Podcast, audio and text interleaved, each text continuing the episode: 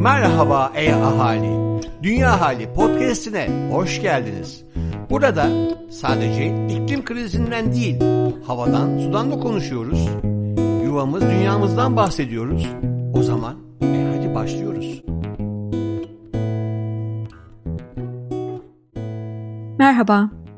Dünya Sağlık Örgütü Genel Direktörü 5 Mayıs 2023 günü COVID-19'un küresel sağlık acil durumu olmaktan çıkarıldığını ancak hastalığın küresel bir sağlık tehdidi olmaya devam ettiğini açıkladı.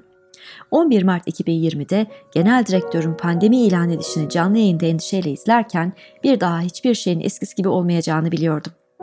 3 yılı aşkın bir zamandır yaşamlarımızı alt üst eden, dünyada bildirilmiş 7 milyon, bildirilmemiş misliyle ölme yol açan, pek çok aileye ateş düşüren COVID-19, sosyoekonomik adaletsizlikleri derinleştirmenin yanında dünyamıza yıkıcı bir etki daha bıraktı.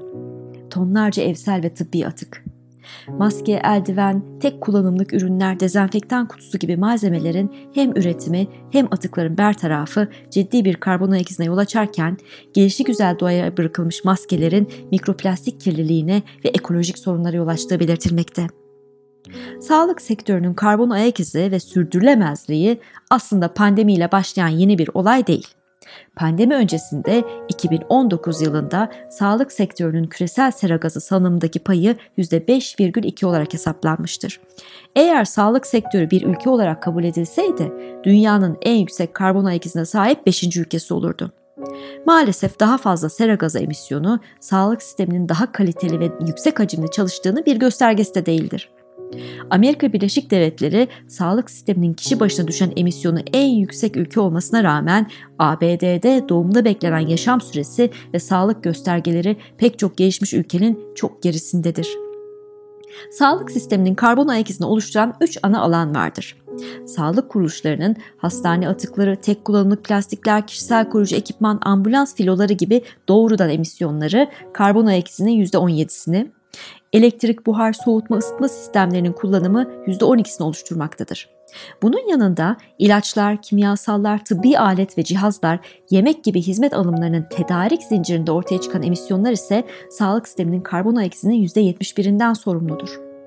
Görüldüğü üzere sağlık sisteminin karbonsuzlaştırılması için sağlık hizmetinde yer alan her ürünün sağlık kuruluşlarına gelene kadar geçen üretim, paketleme, ulaşım gibi süreçlerinin karbon ayak izinin azaltılması gerekmektedir. Sağlık camiasının iklim krizi ve sürdürülebilirlik konusunda konuşması ve diğer sektörlerde itici bir güç olması bu nedenle de çok önemlidir. Sistemsel olarak pek çok sektörün bir araya gelerek sağlık sistemini karbonsuzlaştırmak için çalışması, ülkelerin emisyonlarını azaltma konusunda iyi uygulama örnekleri geliştirmelerinde yardımcı olacaktır. İngiltere'nin net sıfır ulusal sağlık hizmeti sunulması raporu yol gösterici bir örnek oluşturabilir. Döngüsel sağlık hizmeti yeni kavramların hayata geçirilmesi için iyi bir örnektir. Atık üretimini azaltmayı, zararlı kimyasalları maruziyeti en aza indirgemeyi ve sürdürülebilir bir sistem kurmayı sağlayabilir. Sağlık hizmetinde hastaya fayda sağlayacak bir tıbbi endikasyonu olmadan yapılan manyetik rezonans görüntüleme ya da bilgisayarla tomografi gibi tetkiklerinde ciddi bir karbon ayak izi olduğu hesaplanmıştır. Bu nedenle hekimlere hastalarına yeterli ve kaliteli zaman ayırabilecekleri ve akıllı seçimler yapmalarını imkan sağlayan klinik ortamlar sağlanması hem hastaya hem de dünyaya iyi gelecektir. Bireysel olarak hekimlerin de sağlık sisteminin karbon ayak izini azaltmak için yapabilecekleri ufak ama etkili değişiklikler olabilir. Malzemelerde israfı azaltmak, atık bertarafında geri dönüşümü ve yeniden kullanımı desteklemek, enerji tasarrufu sağlayacak alışkanlıklar geliştirmek, karbon ayak izi düşük ilaçları seçmek gibi.